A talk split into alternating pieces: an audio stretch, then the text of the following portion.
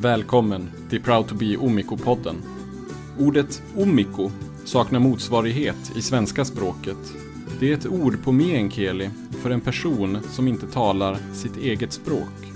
Ett ord för alla oss tornedalingar, kväner eller lantalaiset som tappat meänkielin, språket som våra föräldrar eller far och morföräldrar pratade. I den här podden intervjuar jag olika omiko och frågar hur det blev så här. Varför pratar vi inte meänkieli? Kan vi vara tornedalingar, kväner eller lantalaiset utan att tala språket? Och vad väntar för minoritetskulturen efter den stora försvenskningen av Norrbotten? Mitt namn är Daniel Fjällborg. Välkommen till Proud to be Omiko. Dagens Omiko är lantalainen och författare. Hennes senaste bok Fädernas missgärningar utsågs nyligen till 2021 års bästa deckare av Svenska Deckarakademin och böckerna säljs i 26 länder. Numera boende i Stockholm men uppvuxen i Kiruna. Välkommen till Proud to be Omiko, Åsa Larsson. Tack så mycket. Så du är en sån där Omiko? Eh, ja men tydligen. Det är inte så att det var ett ord vi använde när vi var små direkt. Men, eh, men i betydelsen att jag eh, inte pratar meänkieli men känner mig eh, känner liksom att det är mitt språk eller att jag, att jag eh, att jag är omgiven av det språket på något sätt och har varit det. Så ja, på det sättet stämmer det. Ja, innan vi skulle eh, börja prata här så tjuvlyssnade jag lite grann på ditt vinterprat som du gjorde i Sveriges Radio nyligen. Och där benämnde du, du pratar om, om längtan, bland annat längtar du till ditt förlorade språk, tror jag att du nämner.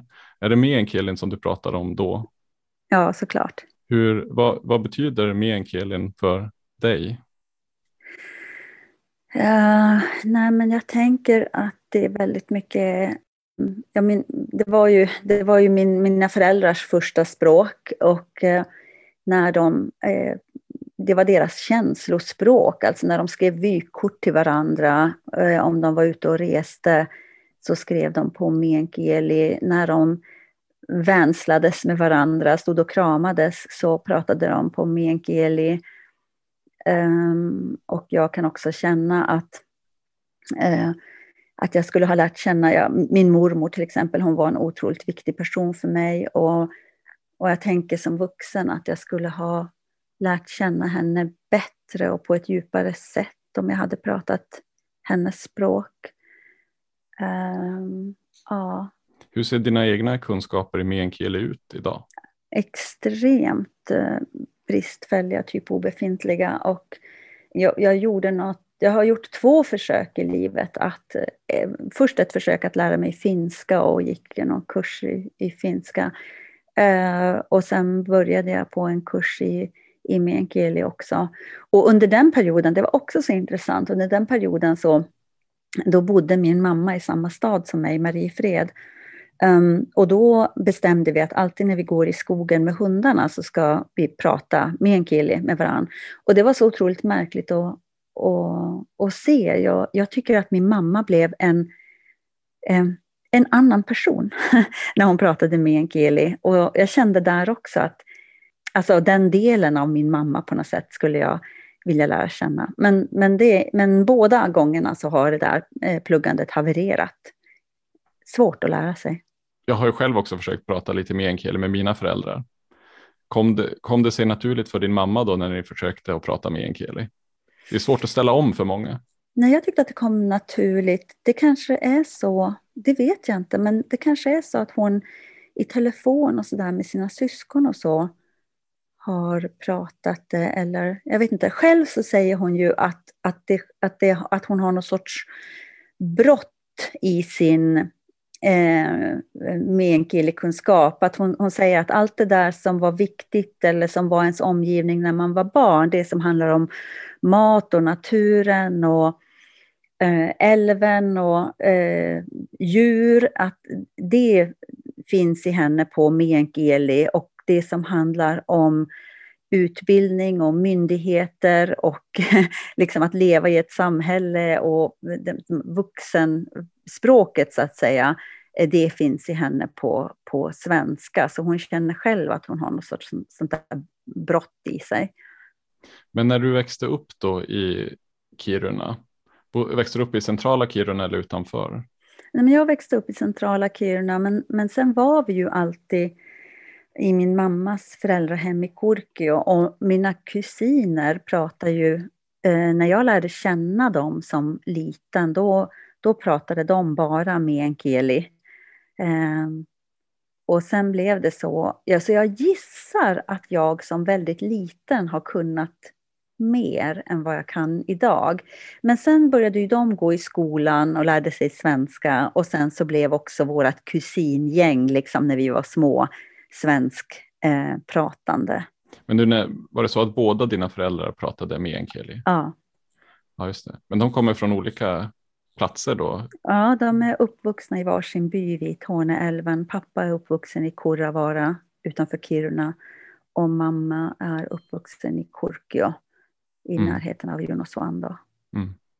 Så det var mycket meänkieli i tidig, tidig uppväxt då för dig, men, men sen övergick det, eller? Ja.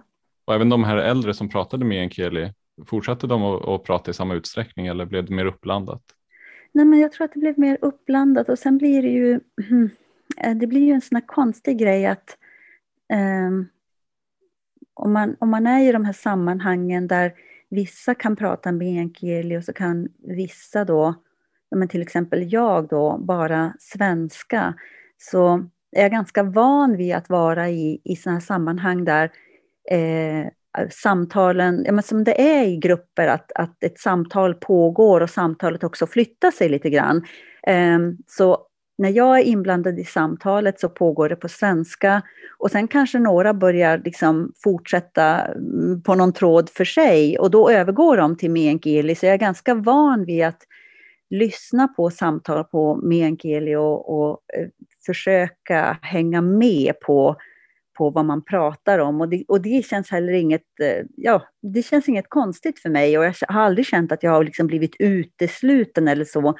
Däremot så kan jag ju nu känna liksom att, att det är lite fattigt att att det är mycket, mycket av, eh, av samtal och, och, och så här som jag har missat och missar fortfarande. Hur upplever du då att det är att vara Lantalainen eller tornedaling? Du är ju både och då med ursprung i Kurki och uppe i, i Kiruna-trakten. Hur upplever du då att eh, det är att vara del av den här minoriteten utan att själv kunna språket? Eh, ja, men som en brist tycker jag. Eh, och ibland så har jag känt att det har varit en, en, en sorg, just, just där när jag tänker på min mormor då. Eh, och jag tänker också även idag som författare och att jag skriver liksom om, eh, om Malmfälten och Tornedalen, att, ehm, att jag skulle skriva bättre om det och vara en ja, någonstans så känner man ju att man vill vara en del av den historia man berättar som författare. Och jag känner att jag skulle eh, vara en, eh, en större del av den berättelsen om jag var meänkielitalande. Du jobbar ju som, eller är författare som du, som du nämnde och jobbar verkligen med, med språket på, på det sättet och skriver på svenska. Har den här bakgrunden i meänkieli och det tornedalska smugit sig in på något sätt i författarskapet? Då? Jo, men det tycker jag. Eh, dels så, mm, så finns det, så har jag alltid låtit mina personer, eh, ibland så, så använder de ju uttryck på meänkieli som jag själv har hört och som jag tycker liksom mm, passar. Och sen så tror jag att det finns någonting annat också i min även i min språk, svensk, svenska språkmelodi. Och då menar jag inte bara liksom hur jag pratar, utan då menar jag hur jag skriver, eh, som jag tror på något vis är, jag kommer därifrån. Det, det, det, det känner jag när, när folk har läst mina böcker, att det finns någonting eh, hemtamt i dem. Hur kommer det sig då att du inte talar med enkeli, tror du? Har du funderat någonting på det? Men jag vet nog ganska bra vad det beror på. Mamma och pappa var ju båda akademiker och jag vet att de hade bestämt sig för att pappa skulle prata bara meänkieli med mig och mamma skulle prata svenska så att jag skulle bli eh, tvåspråkig. Men eh, de, ja, alltså, de höll inte i det beslutet helt enkelt. Så det, det beror ju på det. Och sen beror det ju också såklart på min egen ja, jag vill, ska man säga lättja eller jag har i alla fall inte, jag hade ju kunnat prioritera, bara ge mig den på att nu ska jag lära mig eh, det här. Eh, men eh, de två gånger som jag har försökt så har det känts som att det har varit eh, för svårt och så har jag gett upp. Mm. Jag har haft samma upplevelse. Jag skrev också in mig på en kurs i meänkieli för ett antal år sedan. Hur länge gick du? Jag gick en månad. Ja, och sen så kom eh, livet, vardagen över mig och, och prioriterades framför det här. Eh, tyvärr.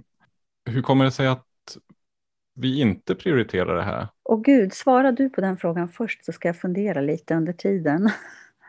Alltså för min del, jag prioriterade så mycket att jag anmälde mig till den här kursen och, och tog, tänkte att nu i vuxen ålder ska jag ta tag i och, och lära mig det här språket. Men sen när det hopade sig massa andra saker så började jag också tänka, var kommer det här språket att ta mig någonstans? Vad, vad kommer jag ha för användning av det här eh, eh, språket? Jag kände väl kanske att det, det fanns andra saker som var mer akuta. Det här var också för några år sedan innan jag själv också skaffade barn och så. Jag tror att det skulle vara annorlunda om jag gjorde det nu när jag, när jag har barn, för nu känner jag att språket är mycket mer en identitetsbärare. Eh, det är väl eh, kanske en, en tanke från min sida. Hur tänkte du? Jag tror att problemet för mig är ju att jag har ett jobb som inte har några som helst fasta arbetstider. Och att jag eh, är alltid ganska eh, arbetstyngd och, eh, och, och, har väldigt mycket på min att göra-lista. Så jag hade svårt att eh, att på något sätt sätta lite järnstaket runt den här eh, pluggtiden och framförallt det här när man ska, jag tror också att det var, jag, jag gick en, en distanskurs och, och så plötsligt så ska man eh, lämna in saker liksom och det ska, man ska in i system och lära sig eh, massa teknik kring det här med att plugga på distans och så. Och jag kände att eh, kasus plus den här tekniken blev liksom det, det, men det, det, ja, det, det, tog, det tog för mycket så att det blev, det blev, som en, det blev ingen glädje att, att, att lära sig utan det blev som en stress. Ja, men den upplevelsen kan jag nog dela. Men det, jag kanske anmäler mig igen till, till Ja, men jag kursen. kanske också anmäler mig igen. Jag menar, jag, ju, jag, jag är ju just nu i ett frihets, i mitt eget liksom personliga frihetsprojekt. Jag har liksom varit på väg mot den här punkten i många, många år. Så har jag liksom haft så här bara, okej, okay, när mina ungar, när min sista unge flyttar ut, då ska jag sälja mitt hus så, så att jag inte behöver ta hand om det. Och så har jag inte barn hemma och så eh, ska jag ha skrivit klart mina båda bokserier.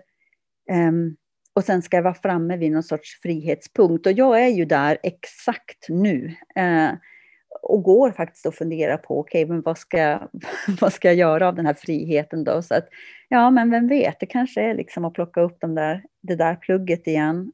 Men jag Eh, fastnar lite grann också på dina föräldrar då som, det lät ju väldigt eh, klokt som de hade den här planen från början då, att en förälder skulle prata meänkieli med dig och en skulle prata svenska.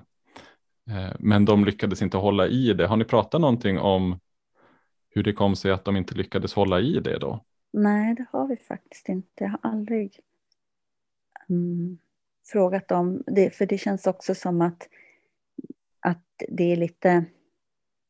Det är ju faktiskt inte... Eh, jag önskar att de hade gjort det, men, men jag tänker liksom inte hålla på att skuldbelägga mina föräldrar för att jag inte talar meänkieli. Det är faktiskt, jag är faktiskt eh, mer än vuxen och, och, och bär det ansvaret själv. Så att, nej, jag har aldrig frågat dem. Men jag kan också tänka mig eh, för det här med tvåspråkighet, tror jag. Alltså man har ju ändrat uppfattning om det där. Jag tror att om jag hade fötts kanske tio år senare så kanske de hade, så, så kanske de hade hållit i det. För jag tror att föreställningen då kanske var att man blev halvspråkig i båda språken liksom också. Så att eh, de kanske inte hade det där, mm, vad ska man säga, stödet i sin uppfattning utifrån att det faktiskt är en bra, eh, bra sak och att, eh, att det är eh, eh, att man blir fullspråkig på båda språken. Jag vet inte riktigt vad, hur, hur liksom attityden kring det här med tvåspråkighet var då. Eh, jag är född i mitten på 60-talet så att det är ju faktiskt ett tag sedan. Nej, men den reflektionen är någonting som återkommit med andra som jag också har pratat med i den här podden om det. Just den tvåspråkighets eh, mytbildningen som fanns, mm. att det kunde vara skadligt. Så det verkar som att det har, det har påverkat många. Men du nämnde också din relation här till mormor till exempel. Att den kanske hade tagit sig en annan form. Också kanske att din relation till, till din mamma till en viss del blev lite annorlunda då när ni började prata meänkieli ihop på hundpromenaderna. Hur, hur påverkar det ens relationer att inte tala samma språk på det sättet? Det där är ju svårt att säga, men jag kan känna om jag, eh, eh, om jag, tar, jag kan ta båda som exempel, tror jag. Det finns ju personliga saker som jag skulle ha velat prata med min mormor om. Jag var ändå vuxen när hon, när hon dog. Um, till exempel så eh, vet jag att, att, eh, att hennes familj var oerhört eh, fattiga. Och hon har till någon av mina mostrar tror jag sagt att, att de var föraktade. Jag vet inte om, om på vilket sätt och så där, men jag tänker att den sortens personliga samtal som också kan vara eh, smärtsamma är så otroligt mycket lättare att föra och också komma in på om man delar den andra personens första språk. Och när det gäller min mamma så, så har ju hon vissa grejer som jag kan känna är smärtpunkter för henne. Till exempel det här med att, att eh, flytta till arbetsstugan när man är sju och där bli fråntagen sitt språk och så där. Och jag kan känna att när vi pratar om det så det är som att samtalet gärna eh, hur ska jag säga, eh, stannar i mm, samma ganska korta berättelser. Typ så här, ja vi hade en kokerska, hon var snäll mot oss. Eller, alltså du vet, så att det, det, det, det blir liksom inte... Eh, det blir liksom inte ett långt pågående samtal av det och jag tror att den, till exempel, jag tror att det jag inbillar mig att det skulle ha varit, eh, skulle vara lättare att dela om man kunde prata liksom det som är mammas känslospråk då, om jag ska säga så. Förstod du det rätt att din mamma hade varit på arbetsstuga? Eller hur? Ja, mm. hela, hon, hon är ett av sju syskon och de allihopa flyttade hemifrån då vid sju års ålder för att bo på arbetsstuga i Junosvan. Och där fick de ju inte prata sitt språk. Mm. Så de blev ju, alltså, och jag kan ju tycka att det där är ju, ja, alltså, det är förskräckligt på någon sorts nivå som man knappt riktigt kan förstå. Eh, alltså en sjuåring är en sån otroligt liten människa och så plötsligt från den åldern så får de bara komma hem då på eh, sommarlov, höstlov, jullov, påsklov. Och, eh, och också då hamna i den här miljön där man inte får prata sitt språk. Och, ja, det, det, det, finns, det finns mycket som jag, skulle, som jag undrar över när det gäller den uppväxten. Och jag tror ju också att eh, det har påverkat mig och att det har påverkat mina kusiner och att det på något sätt också faktiskt fortplantas även till mina barn och så där. och att, det, och att det är ganska svårt att få syn på riktigt vad det har gjort med oss som människor. Mm. Men de hamnade på arbetsstuga, var det huvudsakligen då på grund av fattigdom eller varför hamnar man där? Nej, nej, nej, det var ju för att gå i skola. Eh, det fanns ju, det fanns ingen eh, alltså landsväg till Kurkio ens på den tiden. Mm. Um, så att, och det fanns bara skola i Junosuando, så att det var ju därför. Ja, så det var enda alternativet för att få en, en skolgång helt enkelt? Ja, alltså, och, och, skolplikt har vi ju i, i Sverige och hade då också. Så.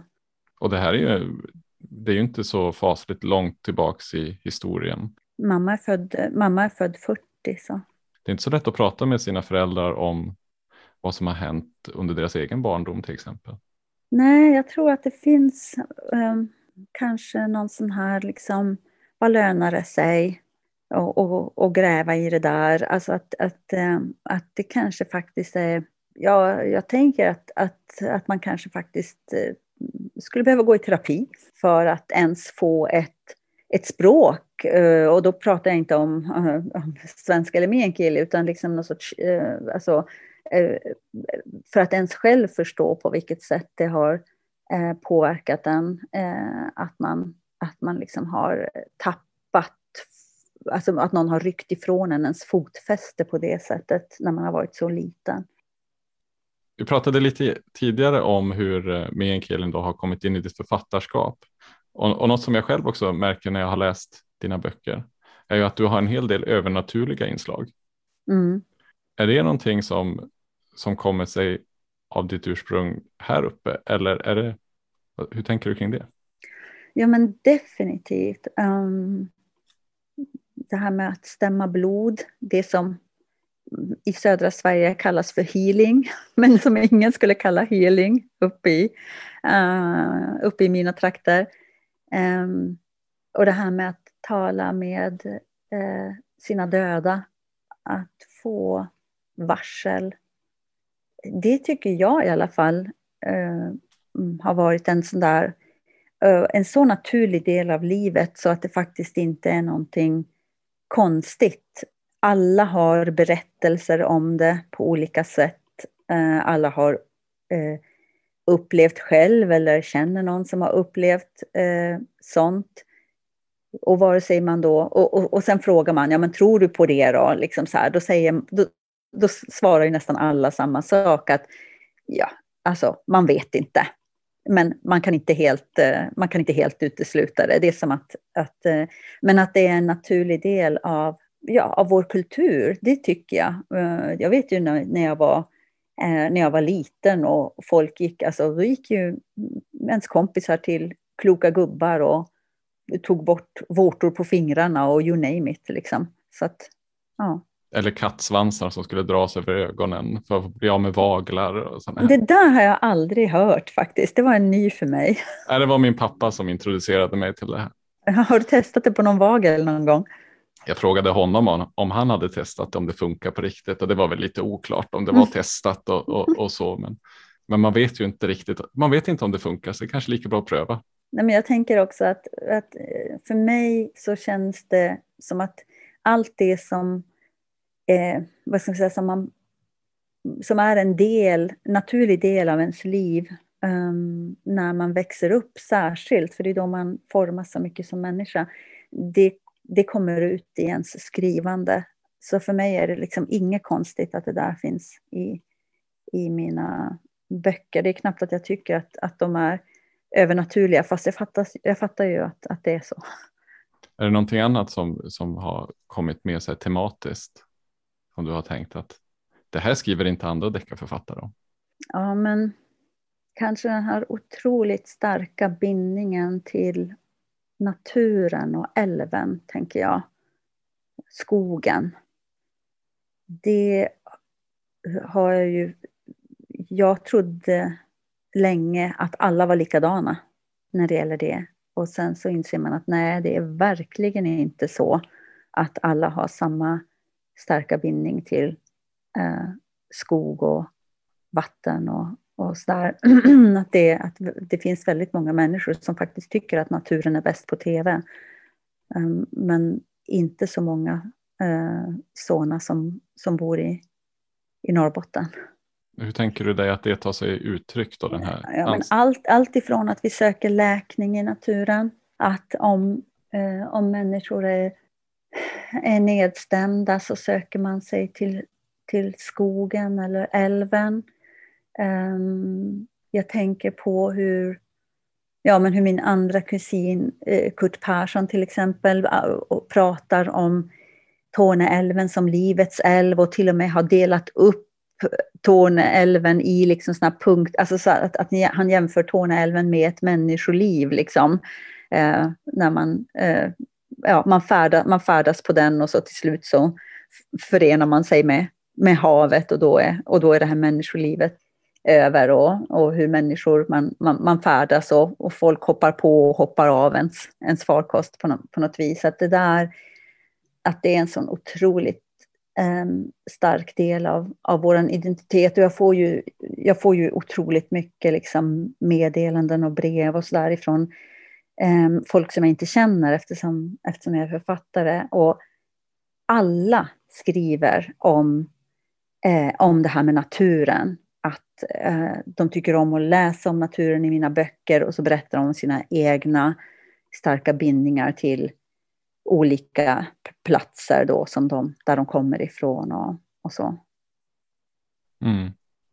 Vi ska börja närma oss avrundningen av vårt samtal tänker jag. Och då tänker jag att vi ska blicka lite framåt, in i framtiden. Eh, och då funderar jag på, vad tror du kommer hända framöver för för meänkielin som språk och för tornedalingar och, och lantalaiset och kväner. Um, kommer vi ha kvar det här, det här språket och kulturen eller vad? Om, om du får lite spådom här med det övernaturliga med dig. Nej, men jag vet inte.